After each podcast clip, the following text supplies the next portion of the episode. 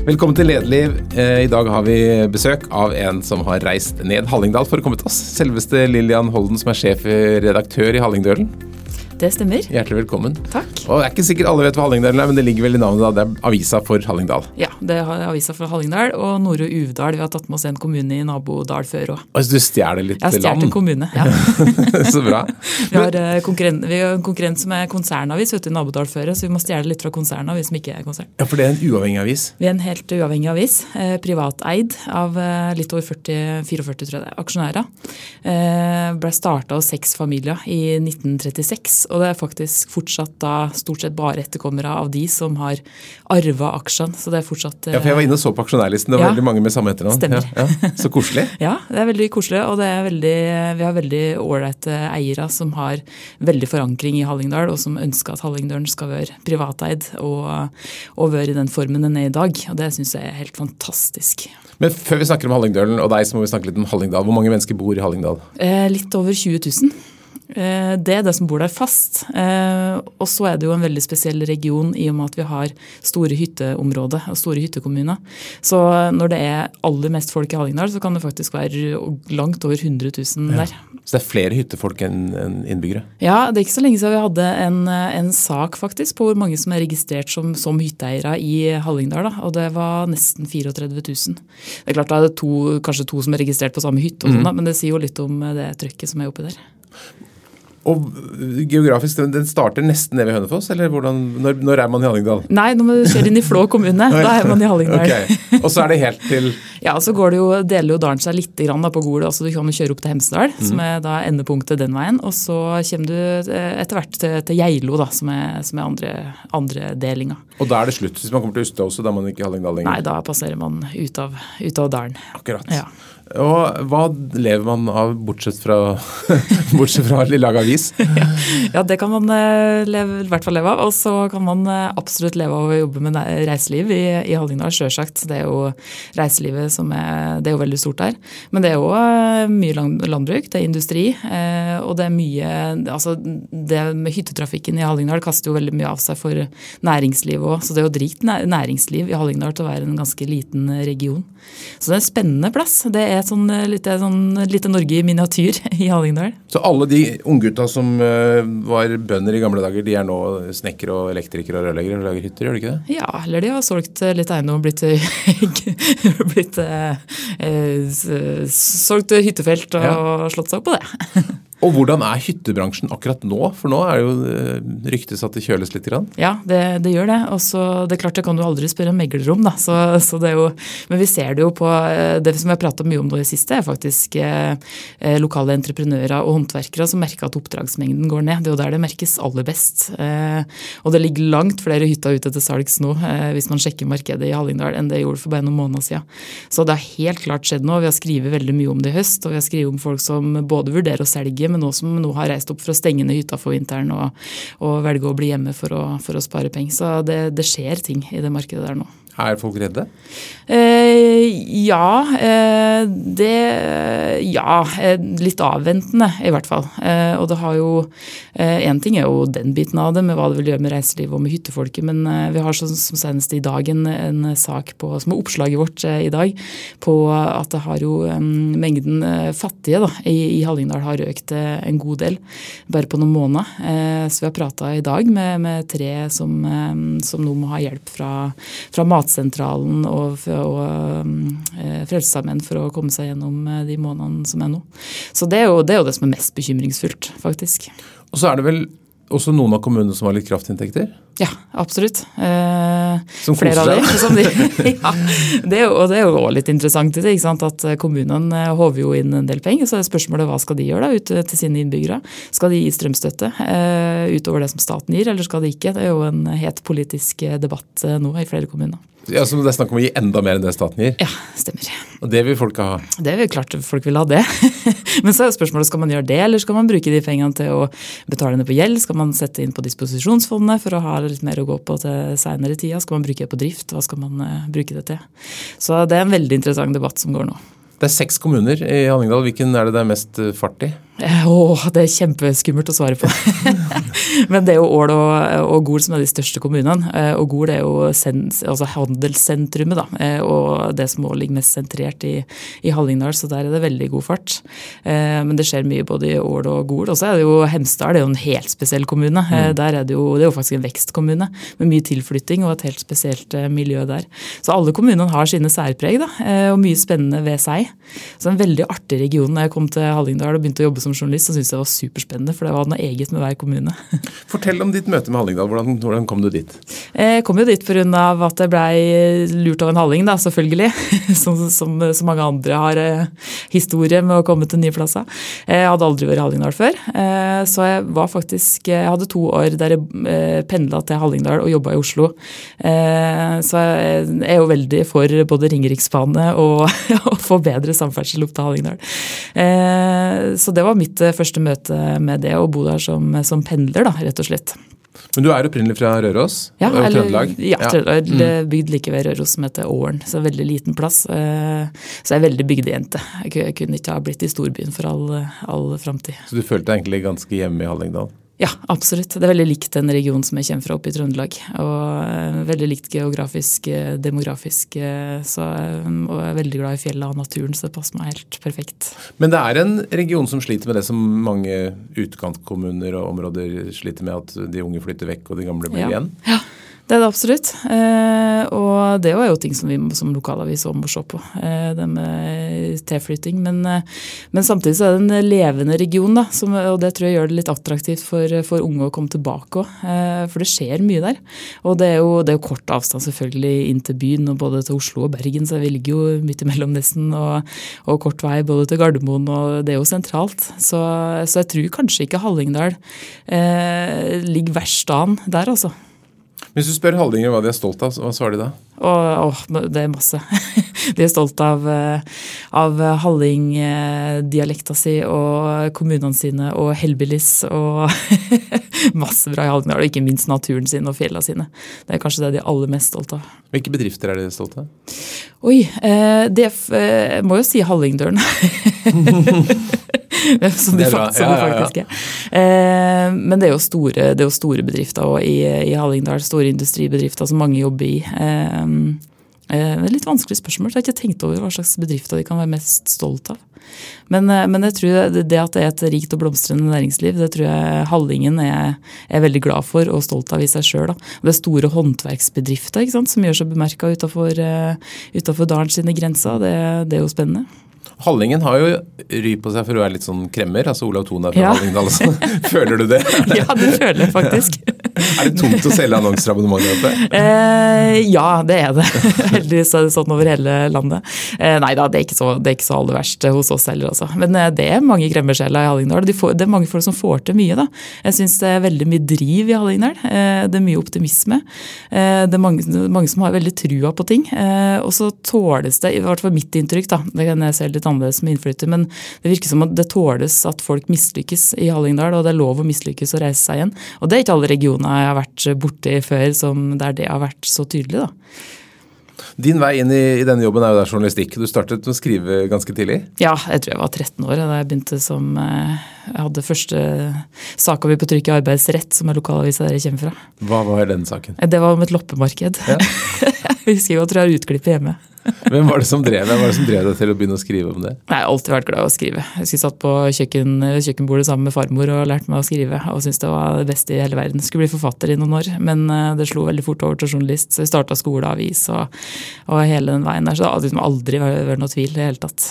Og Ble det jobb i arbeidsrett etter hvert, eller? Ja, det ble det. Eh, jobba veldig til og fra hele skoletida mi egentlig, og videregående. Og hadde et år som fast der etter videregående å, mens jeg venta på å komme inn på journalistutdanninga i Oslo. Så der har jeg hatt mange gode, fine år og egentlig lært meg, lært meg opp til å bli journalist. Mer der enn jeg har gjort på journalistutdanning. Men så har du skrevet sport i VG? Ja, jeg kom inn i VG etter hvert. Eh, som sportsjournalist. Jeg er jo sportsidiot, da. Så jeg levde jo virkelig drømmelivet der i mange år. Med å bare skrive om sport, være sammen med folk som var like sportsidiot som meg. Se på sport på TV døgnet rundt, eh, reise rundt og se på sport eh, rundt i hele Europa. Det er jo fantastisk for en sportsidiot å leve slik. Hva er favorittsporten? Det er jo selvsagt fotball. Men jeg jobba veldig mye med skiskyting da jeg var i, i VG, og det, det har jeg veldig nært og kjært forhold til. da. Hvem er gode sportsutøvere fra Hallingdal? Og det er mange, faktisk. Akkurat nå har vi Pål Golberg eh, langrenn. Eh, Vetle Sjåstad Christiansen er jo fra, fra Geilo. Eh, så vi har, og vi har et par spillere i Eliteserien nå, faktisk. For Espen Garnås i Lillestrøm og Jesper Toje i Sandefjord. Så det er faktisk ganske unikt, syns jeg. Liten region med såpass mye toppidrettsutøvere. Det er jo fantastisk. Skøytesporten har vært veldig stor oppi der. Nå har du lagt opp, da, men Bøkko-søsknene kommer jo derifra. Eh, Henrik Rukke går på juniorlandslaget nå for eh, rekruttlandslaget for, for, på, i skøyta. Så det er en veldig sånn idrettsglad region. da. Det passer jo meg veldig bra. Og Dere er antagelig gode sportssider i avisen? da? Vi har eh, faktisk en sportsansvarlig. Jeg eh, vet ikke om det er så mange lokalaviser som har det, men eh, vi har mye sport å skrive om. Og det er jo mye fart i breddeidretten, sjøl om det har skjedd ting der de siste åra som er litt alarmerende. Så, mm, så vi har fortsatt litt trøkk på sport. Men du tok journalistutdanning. Ellers så er vel journalist fortsatt et yrke hvor det går an å komme inn uten utdanning, eller må man ha utdanning nå? Må ikke ha utdanning. Det er ikke noe beskytta tittel. så det er mange jeg jobber med nå i redaksjon, og som jeg jobba før i VG òg, som ikke har hatt uh, journalistutdanning bak seg. Journalistutdanning er veldig fin fordi du får jo den starterpakken som du, som du trenger, med særlig etikken, intervjumetodikk og den biten der. Men uh, det er jo den realkompetansen i mitt hue som, som, er den beste utdanninga å få. Og så tok du skrittet fra VG da til Hallingdølen? Stemmer. Eh, ble, jeg blei lei av den pendle, pendleveien. Så til slutt så sendte jeg en åpen søknad da, til Hallingdølen og bare sa hvem jeg var og meldte meg interessert hvis jeg skulle dukke opp en mulighet. Det tok det ikke så mange måneder før det var en, ei ledig stilling der. Så, så, det var greit, selv om du ikke var innfødt, liksom? Det var greit, mm. faktisk. Ja. Så, og det var jo veldig sånn valgets kvar, det. altså Når det først blei en mulighet der. Og det er klart å si opp en, en jobb i VG, det som har vært drømmejobben i mange år, er jo, det er jo vanskelig. Så jeg gikk jo noen runder med meg sjøl der, sjøl om valget kanskje var litt gitt eh, at det måtte bli som det ble. Men, men, det er vanskelig å forlate VG. Absolutt. Hva er den største forskjellen på å jobbe i VG og jobbe i Hallingdalen? Eh, det er klart du jobber, Når du jobber på en sånn plass som VG, så jobber du mye mer spesialisert. da. Du jobber jo inn mot ett felt. I Hallingdølen så må du gjøre absolutt alt. Hele spekteret. Eh, så det er jo den største forskjellen, helt klart. Og så er det jo, eh, men ellers er det mye som er likt. og Du, du må jo produsere, du må produsere mye. Eh, til mange ulike flater. og journalistikk musikken er jo, den er jo den samme. Men du kan ikke konsentrere deg om sport lenger? Nei, jeg skriver veldig lite sport etter at jeg slutta i VG. Men det å bli sjef, det var vel ikke ambisjonen? Det, ikke, det, det visste du ikke da du kom da? Nei, det gjorde jeg ikke. Eh, og den eh, muligheten kom jo veldig mye tidligere enn jeg hadde tenkt at den skulle gjøre. Eh, han som var redaktør når jeg kom dit, han hadde vært i rundt to år. Så jeg trodde nok han kom til å være det en god stund til. Så det var egentlig ikke i, i huet mitt i det hele tatt. Før det plutselig Vi satt på et allmøte, og han sa at han skulle, hadde bestemt seg for å gi seg som redaktør. Eh, så da måtte jeg gå noen nye runder med meg sjøl om jeg skulle prøve å søke på den jobben. ja, For du var ikke så gammel? Nei. Jeg var jo da den eh, jobb, altså Da jeg søkte, så var jeg 31. 32 eh, da jeg fikk den jobben. Jeg hadde jo ikke noe ledererfaring fra før, egentlig. Og ikke inne... det som hadde vært lengst i avisen heller? Nei, absolutt ikke. Og innflytter, så ja. mange odds imot. Ja, ja. Hva var det som gjorde at du ville ha den utfordringen? da? Eh, jeg har nok alltid tenkt at eh, jeg har hatt lyst til å bli redaktør, men ikke for å være leder. Altså det var for å kunne eh, sette mitt preg på ei avis, da, og drive ei avis sånn som jeg har lyst til å drive ei avis. Mm. Eh, og så kommer jo den lederbiten av det. Er jo, det er jo, følger jo naturlig nok med, da. Men det har aldri vært noe sånn drøm for meg å være noe leder. Jeg har aldri sett for meg sjøl som noe sånn spesielt lederemne. Eh, så, så, men, men det, har jo, det, har jo, gått fint så langt, da. men det har vært den ønsket om å drive ei avis og sette mitt preg på ei avis, som har vært det som jeg har hatt lyst til alltid. Hvordan ønsker du liksom at din avis skal være? Ja, eh, nå har det jo Det er klart, når jeg tok over i Hallingdølen, så var det på en måte eh, veldig opplagt for meg at eh, vi måtte inn i den digitale hverdagen. Det var det vi lå ganske bakpå der, syns jeg. Så det har på en måte vært mitt, min store jobb, å løfte oss inn i, i framtida der. Eh, men så har jeg lyst til at eh, altså min avis skal være litt eh, Jeg har nok litt med meg fra VG, antageligvis at det skal være litt lekent, at det skal være en god miks, og det skal være litt underholdning. Og så skal vi ha de store, tunge nyhetene. Og jeg er veldig opptatt av at vi skal, vi skal ha nyhetstrykket. Det skal alltid være en hard nyhet på framsida. Mer enn Det skal ikke være noe vel, altså det skal tilhøre sjeldenheten at det er kosestoff på framsida og et koselig bilde. og Det skal være nyhetstrykk, akkurat som de store avisene har. Så jeg pleier å si det til hverdagen at vi driver og leker litt VG. Og det er det vi det syns vi skal gjøre. Og dere hadde en veldig morsom forside for noen uker siden, som både jeg og andre delte i sosiale medier. Ja. Eh, fortell om bakgrunnen for den, og snakke om togreveriet. Ja, Togrøveriet. Eh, vi skal jo skrive masse om Ringeriksbanen, eh, og det har, jo, det har vi gjort i vi har, Jeg har jo folk i redaksjonen som har jobba der siden midten av 80-tallet. De har alltid skrevet om Det er fint tema du blir spesialist på, for du kan holde på lenge. ja. Ja, ja, ja. Og så har, har jeg en vaktsjef da, som er, han, han jobber på desken og er, han er veldig kreativ i tospann med grafikeren vår som sitter og lager avisa. Og han har sagt det en god stund at, eh, at det her er jo et røveri. Eh, og så sendte meg en kveld så sendte meg et sånt skjermbilde og han finner filmplakaten av The, The Great Train Robbery og sa at hvis det, hvis det er slik nå at Ringeriksbanen ryker, da skal, vi, da skal vi bruke det her. Så var vi enige om det, og så kom jo statsbudsjettet, og så var Ringeriksbanen eh, ikke tilgodesett. Og da fant vi ut at nå, nå, skal vi klinke til, nå skal vi lage den filmplakaten. Og det brukte vi en formiddag på bare, så var den laga. Eh, Beskriv den for de som ikke har sett den. ja, det er jo uh, The Great Train Robbery er jo på en måte utgangspunktet. Det er jo uh, altså Selve plakaten er jo et togsett der uh, originalen er der, der strømmer jo da tjuvene ut av togsettet. Hos oss så står jo toget parkert på en stasjon i Hallingdal med passasjerer, men så har vi jo da hovedrolleinnehaverne, da. er jo Jonas Gahr Støre og Trygve Slagsvold Vedum og Jon Ivar Nygaard, som er våre tre hovedpersoner her, som er dratt opp på filmplakaten. Eh, Tittelen er 'Det store togrøveriet'. ja, det er det. Eh, en Terningkast, da. Ja, terningkast har vi òg. vi intervjua jo selvsagt folk i den eh, utgaven og som, som vi tilla terningkast én på uttalelsene deres. Så det så ut som en ordentlig filmplakat. Og vi skrilla resten av sida for andre nyheter. Så det, det er en filmplakat med vår, vårt avishue på toppen. Hvordan var eh, responsen ellers? Var det enighet om dette? Syns Ja. alle det var gøy? Det var det, eh, heldigvis. Og det er jo, sånn- du må jo ta en liten sånn reality check på om du eh, blir vi for flåsete her, eller eh, Men det har litt med åssen hele Hallingdal ser på den det, den saka. Eh, Ringeriksbanen har vært, eh, det har vært så mye att og fram i så mange år, og folk har vært så frustrert og irritert eh, og forbanna på at det der ikke har blitt noe av. Så nå var på en måte tida inne for å kunne dra det så langt. Da. Og så ønsker vi å, altså, Litt av formålet for lokalavis er å bli hørt utafor dalen. Vi skal ta det røret ut av Hallingdal.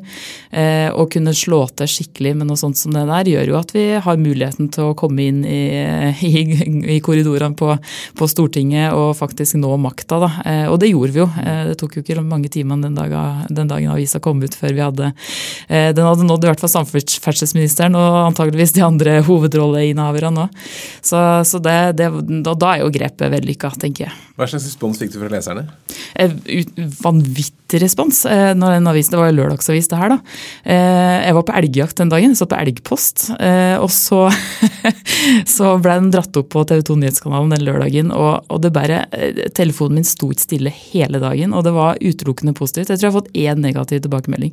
Ellers så hadde det vært eh, rent inn med positive, positive tilbakemeldinger. Til og med fra altså Jeg var litt spent på lokalpolitikerne som tilhører de regjeringspartiene, da, hvordan de ville ha syntes det var. Men de, de var helt enige, de òg. De syntes det var et fantastisk grep.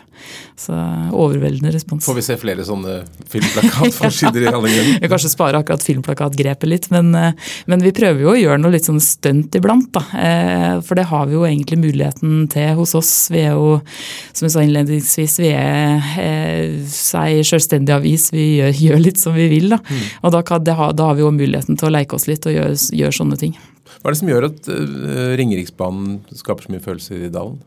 Nei, Det, man har venta på det i så mange år, og så har det vært mye lovnader. Eh, det har vært et politisk spill om Ringeriksbanen i flere omganger. Eh, og Man har trodd den skulle ha kommet. Den har vært gryteklar. Aldri så gryteklar som den er nå, men det har den vært i flere runder.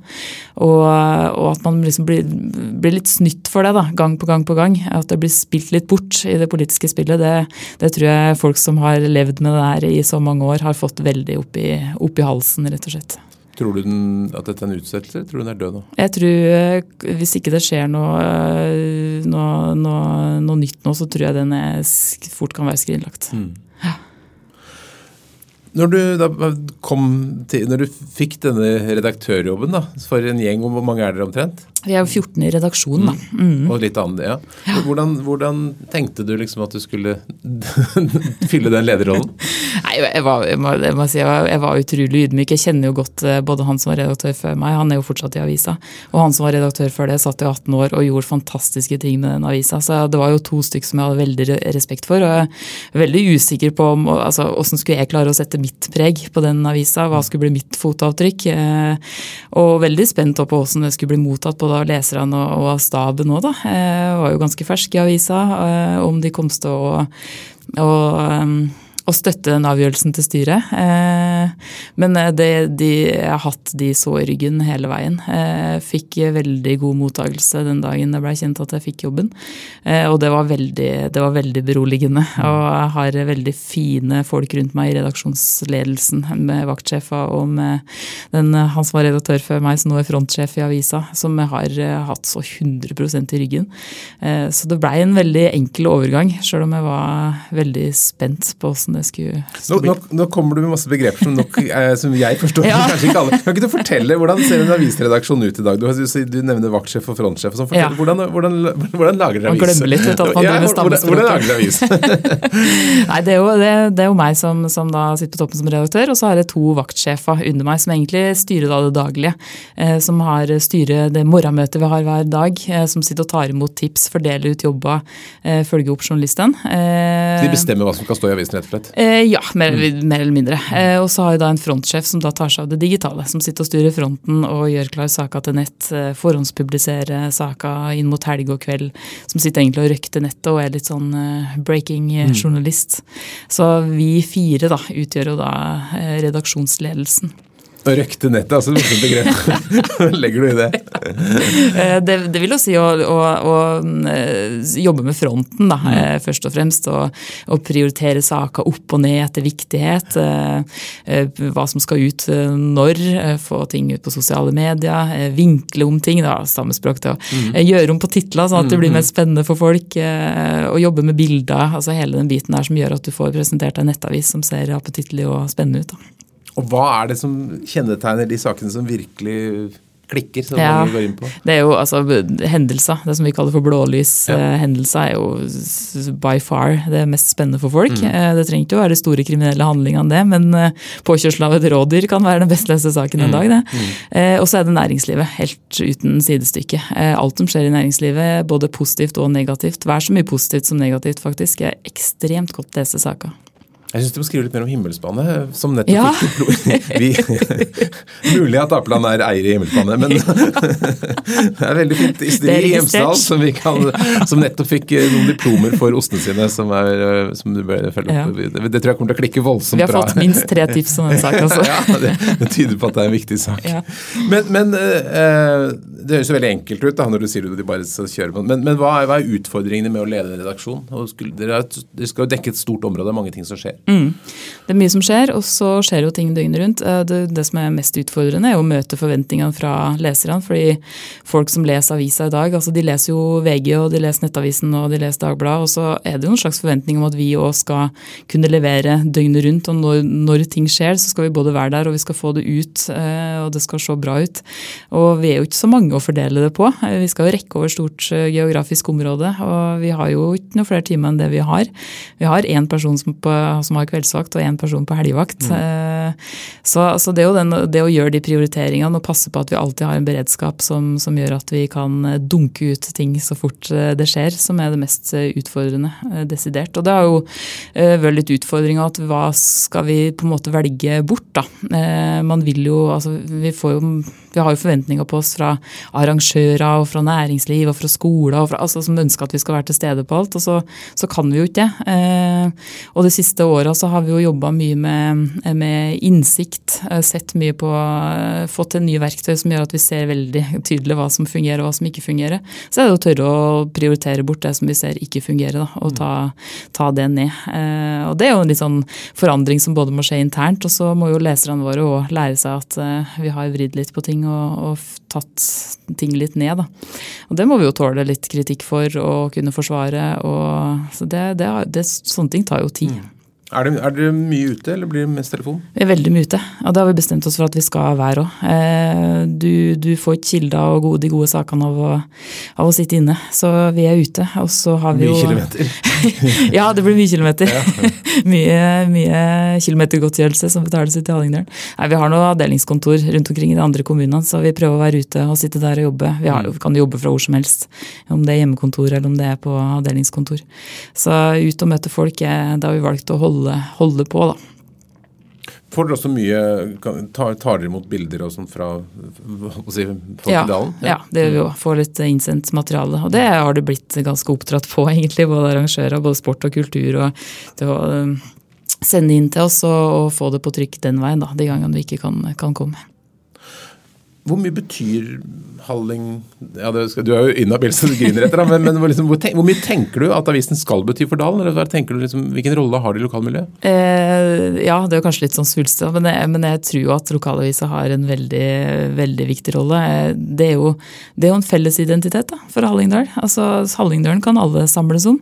Og det er jo ikke så veldig mange felles markører man har i den grad som ei lokalavis er. Og flytter du ut fra dalen, så kan du ta, ta oss med og fortsatt være en del av, av lokalsamfunnet ditt. Eh, det er jo òg et bindepunkt mellom de som har hytte i dalen og som kommer utafra. Eh, nye tilflyttere kan eh, bruke lokalavisa og få en tilknytning. Så, så, jeg syns jo vi er kanskje den viktigste identitetsmarkøren som Halling, Hallingen har. da. Mm. Og så er det jo veld, de er veldig stolt av lokalavisa si, og det er lett for meg å kanskje se som kommer utafra. Men det er så mye engasjement rundt den avisa. Det er, folk er aldri likegyldig til det vi gjør, da. Eh, om det er positivt eller negativt. Og det er jo helt fantastisk. Jeg har nettopp bytta tegneseriestripe på baksida av avisa. Jeg har fått så mye e-poster og tekstmeldinger og telefoner Var det feil? Var det drev? ja, det, ja, vi får se, da. om, eh, men, altså, hva har det gått fra? Hva har det gått til? Eh, vi har gått fra Hårek, som da er en nynorsk stripe, ja. og til Pondus. Ja, som, som, er bokmål? Som er bokmål. Oi, da stikker du fingeren norske, midt i ja. dialekt, ja. Men den er norskprodusert, så det er ikke Hårek. Så det er jo et argument da, for å ha pondus. Men eh, det er egentlig veldig lite grep da, i den store sammenhengen, men til og med det vekker veldig Sett liksom følelser i sving. da. Og det er jo helt nydelig å se. du nevnte at folk er stolte av dialekten. Hvordan preger det avisa? Skriver på dialekt? Nei, vi skriver jo på nynorsk, eh, og nynorsken er jo mer og mer på vei ut. Det må man jo, må man jo bare se. Mm. I skolen og i det kommunale språket så er jo nynorsken på tur ut. Mm. Vi heller jo på nynorsken. Eh, alle som er fast ansatt hos oss skal skrive nynorsk. Vi tar inn leserinnlegg og innsendt stoff og, og sånn på, på, bokmål, men, men, ellers er det nynorsken som, som gjelder hos oss. Så det eh, tror jo vi kan altså Det er litt sånn stikke fingeren i lufta, da, men vi tror jo at det kan være med på å kanskje holde dialekta litt i live mm. ei stund til. Eh, så det er nok ei stund til vi kommer til å kutte nynorsken fra, fra Hallingdølen. Og Hvordan er det blant den oppvoksende slekt i Hallingdølen? Vil, vil de snakke dialekt? Ja, det er jo eh, Ja, nei. De snakker jo mindre og mindre dialekt. Og jeg syns det er kjempesynd. Jeg syns Hallingdialekta er landets flotteste dialekt. Eh, så det er veldig synd at den blir borte. Men vi, vi har jo satt mye fokus på det og jobba med dialekt i år. Og det er jo ganske skremmende å se hvor få unge nå som faktisk prater dialekt. Og noen, det aller mest triste er jo de som prater dialekt hjemme. Mm. Og så kommer de ut på skolen og ut blant vennene sine, og så slår de om, for de syns det er flaut å prate mm. dialekt. Det er jo supertrist. Har du noen idé om hva det kommer av? Nei, det er vel litt uh, et, det, har, det, det, blir nok sett kanskje litt ned på, da. Å mm. prate litt sånn uh, uh, At man er litt mindreverdig hvis man prater dialekt. Jeg vet ikke. Det er en litt sånn ukultur i det der. Og det er veldig synd. Det er samme i Valdres, vet jeg, og en del andre steder. Ja, det er samme overalt. Du nevnte digitalisering. altså Du begynte for tre år siden. Hva, hva har du gjort på den tiden? Vi har gjort masse. Eh, vi starta jo eh, på nyåret i 2020, så starta vi egentlig jobben med å eh, bruke de verktøyene som vi nå har. Begynne å skaffe oss innsikt. Eh, begynne å bruke den innsikten som vi har. Eh, og begynne å se litt ordentlig på, eh, på hvordan vi skriver. Eh, hvordan vi tit setter titler på ting, som fungerer, hvordan det skal fungere digitalt. Hva vi skal skrive mer om, hva vi skal skrive mindre om. Og så rakk vi å drive med det et par måneder, og så kom jo mars 2020. Og da eksploderte det jo, og alle havna på hjemmekontor. Og trøkket på vår, vår digitale flate data ble jo helt enormt. Så det tvang oss jo på en måte, det var jo egentlig en, en fin måte å tvinge oss over på mer digitalt fokus òg. Når vi fikk den T-strømminga og det ønsket om informasjon blei så massivt som det blei. Mm. Så det blei en skikkelig boost for oss i den digitale omstillinga. Gjorde nok at journalister nå så at, at her det er den retningen vi, vi må. Eh, men det, det, tar tid da, å endre på en sånn tankegang. Altså, vi har jo journalister som har jobba her i flere tiår. Så skal du begynne å endre på måten både du skriver på, måten du jobber på.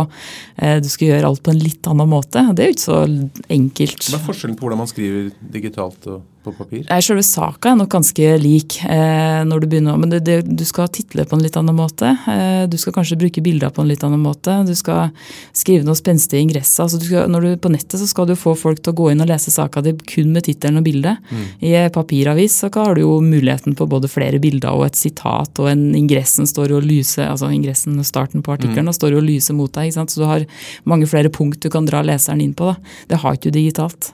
Så da må du tenke litt annerledes annerledes. Og så er jo det med at du må produsere Der man før forholdt seg til Vi kommer ut tre ganger i uka. Tre deadliner da i uka.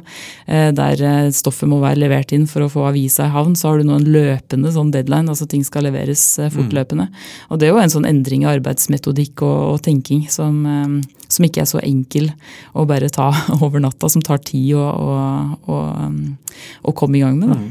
Nå er det mange som har gjort, eh, eller stadig flere som gjør det dere har noen få papiraviser i uken. Hvor, hvor lenge tenker du papiravisen kommer til å leve? Ja, Jeg er nok ikke så veldig pessimistisk sånn i utgangspunktet for papiravisa som produkt. Eh, der tror jeg det er, eh, Den tror jeg har et langt og lykkelig liv foran seg ennå, den.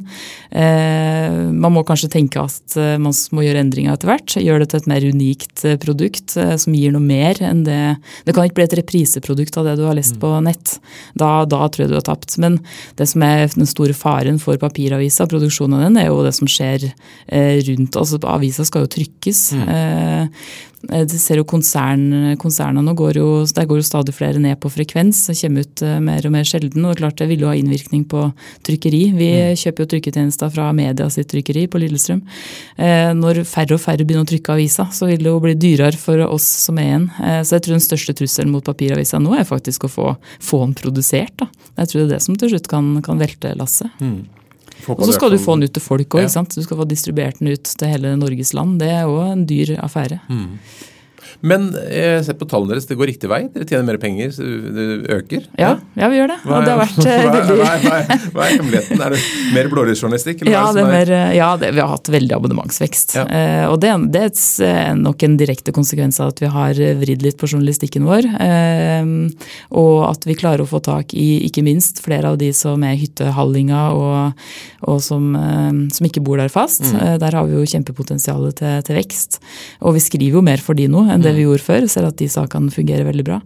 Um, og så har det jo gått bra økonomisk òg, da. Um, jeg er jo så utrolig heldig da, at jeg jobber i en sånn Jeg er avis med toledermodell, mm. så jeg har jo med meg en daglig leder. Tar som tar, som tar seg av pengene. Og, og, det er jo, Du kan jo snakke om den digitale omstillinga på, på, for oss som jobber redaksjonelt, men mm. den er jo ekstremt for de som jobber med, med marked. De må jo jobbe på en helt annen måte og møte mm. helt nye krav fra annonsørene enn det de gjorde før. Eh, som nå skal ha kompetanse på digital annonsering, på sosiale medier, på Google, på Facebook. Og våre annonsekonsulenter som har jobba i mange år, de, de, må jo tilegne seg ny kunnskap og begynne å tilby produkter på en helt ny måte. Mm. Så det er jo like krevende den omstillinga som skjer der. Og så skal du greie å kompensere. altså Inntektene fra avis har jo, har jo stupt veldig, og så skal du greie å kompensere det fallet med digitale inntekter. Mm. Det er jo kjempekrevende, eh, og det tar jo det tar tid. da. Eh, og så skal du ha et, eh, et, varelager, en plass å selge de annonsene på. Du må ha en nettside som er såpass levende at du har flata å selge annonser på. Eh, så det, det er masse ting som, som, skjer på markedssida som er veldig krevende. Det er heldigvis en veldig framoverretta markedssjef som har masse gode ideer og, og tenker nye inntekter. Og det, det må man jo i de, disse dager, rett og slett. Men Blir du presset, da? Du må ha mer lesere for det, du må få vist disse ja. annonsene? Heldigvis har det gått litt av seg sjøl de siste åra, da. Men vi snakker mye sammen, eh, sjølsagt. For vi utvikler jo produkt sammen. Eh, så sjøl om vi ikke har noe Eh, om han ikke har noen innvirkning på meg, og vice versa, så, så må vi jo prate om produktutvikling. Eh, og det gjør vi jo mye. Vi har jo en ledergruppe der som, som vi har, der vi har ukentlige møter. Vi skal ha to dager med strategisamling nå i, i Oslo og se litt på veien videre. Så, så det er jo det morsomste, syns jeg, med å jobbe i en avis, er jo det eh, at vi driver med utvikling. Da. Vi er litt av lokalavis. Men vi er jo langt, langt framme i skoa på veldig mye. Og jeg har med meg så kule framoverretta folk eh, som har lyst til å, som er, som er veldig sånn uredd, da. Mm. Og som ikke, som ikke, ser noen begrensninger. Eh, og det passer jo meg veldig bra, som har med meg den VG-tankegangen der alt er mulig og alt er gøy og vi prøver og feiler. Og, og, så har jeg på en måte møtt igjen det i det miljøet i, i ei lita lokalavis. Det er jo helt uh, unikt. Det er ganske mange ledere som, i pressen som har erfaring fra VG. Altså, vi hadde bl.a. Kjersti Sortland her tidligere som var redaktør i Bustika, som nå er i Stavanger Aftenblad. Hva er det som er med den VG-kulturen som er så sterk? Ja, det, det, er masse. Det er, det er, akkurat det som jeg prata om nå. Den, litt den der lekenheten. Og at man må tørre å prøve. Og at det ikke er så farlig å feile. Og at det er rom for å komme, komme med ideer og teste ut nye ting. Eh, veldig framoverretta og veldig driv. Eh, det rommet til å, til å, teste ut ting som jeg syns er veldig, veldig kult. Jeg har lært så mye VG av så flinke folk som, som har med seg akkurat den der VG-kulturen. Mm. Nå har vi snakket litt om sport og vi snakket litt om uh, ulykker og vi snakket om næringsliv. Men politikk, altså i hvilken grad er Hallingdølen viktig for lokalpolitikken? Eh, viktig. Eh, vi dekker jo veldig mye politikk. Vi jobber mye med det. Alle journalistene, eh, eller Vi har eh, en journalist som dekker fast eh, hver sin kommune, som følger da lokalpolitikken. Vi er på alle kommunestyremøter, veldig mye formannskap, utvalgsmøter. Mm. Og, det, og der jobber vi jo mye med å på en måte ta lokalpolitikken ned på et nivå som, der alle kan forstå hva som foregår. Eh, og ikke bare sitte og referere fra et saksdokument, men faktisk være ute og treffe de som blir råka av et eh, forslag eller et vedtak. Eh, så vi skriver veldig mye om politikk, og det er et stoffområde som går, som går veldig bra òg.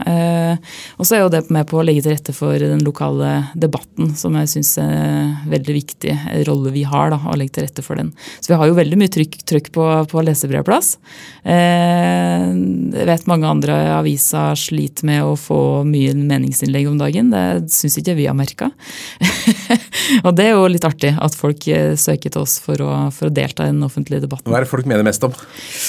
Eller hva er det som, hva er det som fyrer opp de sterkeste meningene? Ja, det, de sterkeste meningene det er nok det med interesse med utbygging eh, kontra naturvern. Ja. Eh, hvor langt skal man dra det? Før man, hvor mye skal man selge ut av egen, egen grunn før, mm. før, man må si stopp?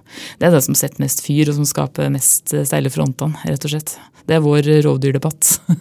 er det, tenker du at det går mot en slags grense nå, at folk føler at det er nok hytter? Ja, jeg tror egentlig det begynner å nærme seg et litt sånn metningspunkt. For jeg syns jeg merker at nå, nå, begynner veldig mange å ha en mening om det. Og veldig mange begynner å synes at, eh, at nok er nok. Eh, vanlige innbyggere.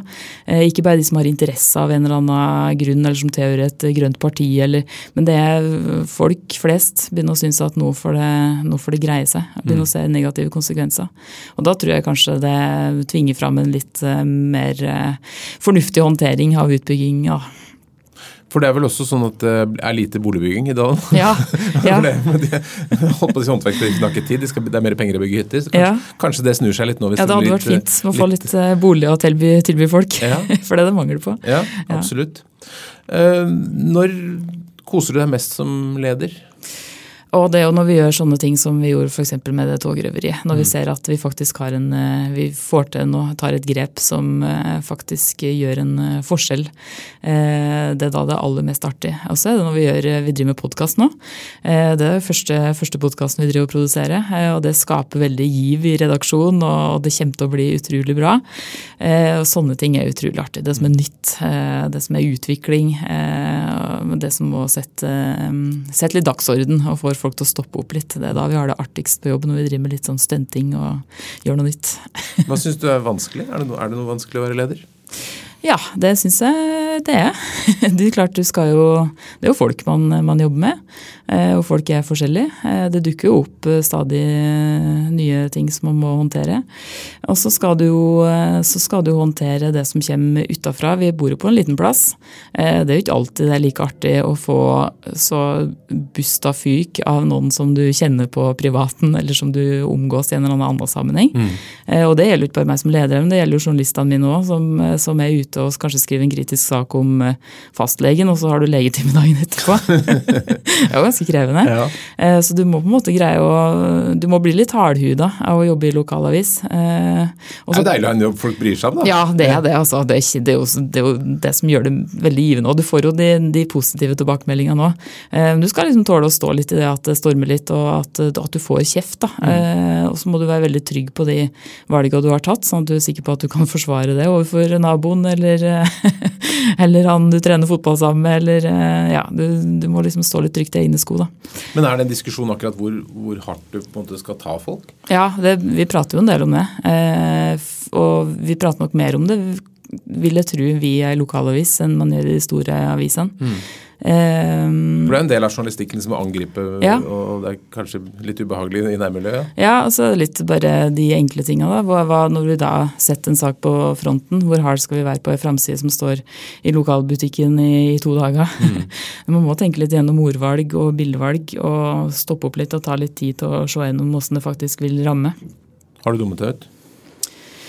Eh, nei, ikke i noe sånn voldsom eh, grad. Eh, det er klart Vi gjør jo noen småfeil, men, men, eh, men det, har ingen, det, har ikke vært noe som vi på en måte har tenkt at åh, oh, her feila vi skikkelig.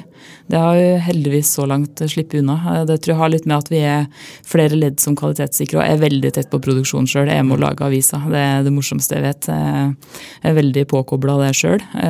Og så har jo alltid en vaktsjef, som jeg da fortalte om i stad, som leser veldig nøye gjennom, og han som er frontsjef, leser leser veldig nøye gjennom saka, så vi diskuterer veldig mye fortløpende underveis gjennom dagen. Og det tror jeg gjør at vi unngår å, å snuble voldsomt. En hodepine for mange mediebedrifter er jo det hvordan skal vi nå de unge. Mm. Hvordan klarer, klarer dere å nå de unge? Åh, nei, ikke i nok stor nok grad. Eh, det snakker jo hele bransjen om. Hvordan i alle dager skal vi få til det? Eh, vi er i ferd med å sette ned et sånn leserpanel nå, eh, der vi skal ha med folk mellom 20 og 40. For å be, be de om å rett og slett lese avisa vår i et halvt års tid. Komme løpende tilbakemeldinger for å få litt mer innsikt i hva de faktisk leser. Men vi prøver jo å være ute der de er, da. Prøve å fange opp hva de er opptatt av. Vi har jo en par journalister i redaksjonen som er i 20-åra og i 30-åra, som er litt tett på og vet hva som rører seg. Mm. Og prøve å, prøve å, ha det i bakhuet at vi, vi, prioriterer de sakene som, som omhandler de unge. Eh, men ellers er det veldig å stikke fingeren i lufta det òg. På, på hva, en ting er hva du vil lese, men så skal du få dem til å betale for oss òg. Eh, og så skal du treffe dem på de plattformene de helst har lyst til å lese oss på. Vi vet jo ikke helt hva det er heller. Vi driver og famler oss litt fram da, på Instagram og Facebook. Og, eh, men må vi på TikTok, liksom? Jeg vet ikke. du har ikke prøvd ennå? Ikke prøvd TikTok ennå. Eh, men det kan godt hende at vi snart eh, må gjøre noe forsøk på det òg. Vi skal òg skape en relasjon til de som er enda yngre enn de som vi konsentrerer oss om som er mellom 20 og 40 av de unge leserne. Men vi skal òg skape en relasjon til de som er 10-12-13-14 år i dag. Og det, det syns jeg er veldig skremmende. De har jo en sånn mediehverdag som er langt unna det eh, jeg er vant til. Og, og de blir jo avislesere om ikke veldig mange år. Så hvordan skal vi greie å dra de inn til oss, og hvordan skal vi greie å få de til å en eller annen gang betale for produktet vårt, det, eh, det er jeg veldig spent på. Heldigvis er det mange som jobber med det. Eh, rundt omkring både Lokalavis Norge og de store avisene nå gjør jo prosjekt for å prøve å nå de unge. Så her vil det nok komme en del erfaringer fra andre òg som vi kan dra nytte av. Men eh, her er det, liksom, her, her er det jeg tenker at her med litt mitt ansvar som leder å være nok ute og orientere meg om hva som skjer rundt omkring ellers i Medie-Norge, og prøve å ta med det hjem. for det her, det her må vi prioritere nå framover, og jobbe med å nå de. Er det noen 13-åringer som kommer og har skrevet om loppemarked? Oh, nei, det er få. Ja.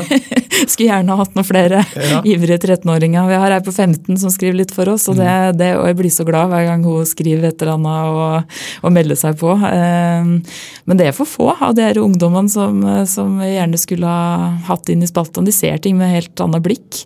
Og skriver på en helt annen måte og prater med folk på en annen måte, og det er så verdifullt. da. Så vi må nok sikkert mer ut og prøve å få de inn til oss. Jeg er også redd for at Lederliv har få lyttere lytter blant 13-åringer i Hallingdal. Men hvis det er noen foreldre eller besteforeldre der, så kan vi oppfordre dem til å be sine barn barnebarn levere saker til Hallingdølen. Jeg tror du kommer lett på da, gjør du ikke det? Ja, det gjør du. Absolutt. Terskelen er veldig lav. veldig bra. Til slutt, Lillian, hvis, hvis, hvis det kommer en ung person, si en 13-åring da, som har lyst til å bli lokalavisredaktør og skal bli en god leder, hvilke tre lederråd vil du gi? Oi. Um, ja. Eh, det er klart 13 da er det veldig ung, da, men hvis det kommer en, en ung person som vil det, så, så um, det aller viktigste, tenker jeg, og som jeg har hatt aller mest utbytte av, er jo å eh, bli god på det faget du faktisk skal drive med. Eh, og gripe de mulighetene du får, og faktisk tilegne deg kunnskap. Eh, og bli en god fagperson. Eh, da tror jeg du gjør det aller best som, som leder etter hvert òg. Men da må du på en måte jobbe deg litt opp i gradene og, mm. og være god på det du driver med akkurat når du driver med det. Eh, så det tror jeg er det viktigste. Og så må, være, så må du være veldig nysgjerrig, tror jeg. Altså, du må være litt engasjert i det som skjer rundt deg når du kommer inn i en mediebedrift. Ikke bare sitte på kontoret ditt og gjøre akkurat det du skal, men engasjere deg litt i om det er i VG eller om det er i Hallingdølen, engasjere seg i de debattene som går internt da, om eh, etiske vurderinger, eh, hva vi skal skrive om. Eh, være engasjert i det. Mm. Og så må du nok eh, Tredje råd vil nok være å vurdere om du eh, om du har kapasitet til. For det, det, er mye jobb. Det er veldig mye jobb. Du, det er ikke noe 9-4-prosjekt her. Det er noe du, du, driver med nesten døgnet rundt, så du må være villig til å, til å jobbe mye. Eh, og jobbe ganske hardt. Så vær flink, vær nysgjerrig og vær villig til å jobbe mye. Ja, er godt oppsummert. Bra. Lillian Holden, tusen takk for at du kom til Lederliv. Takk for meg.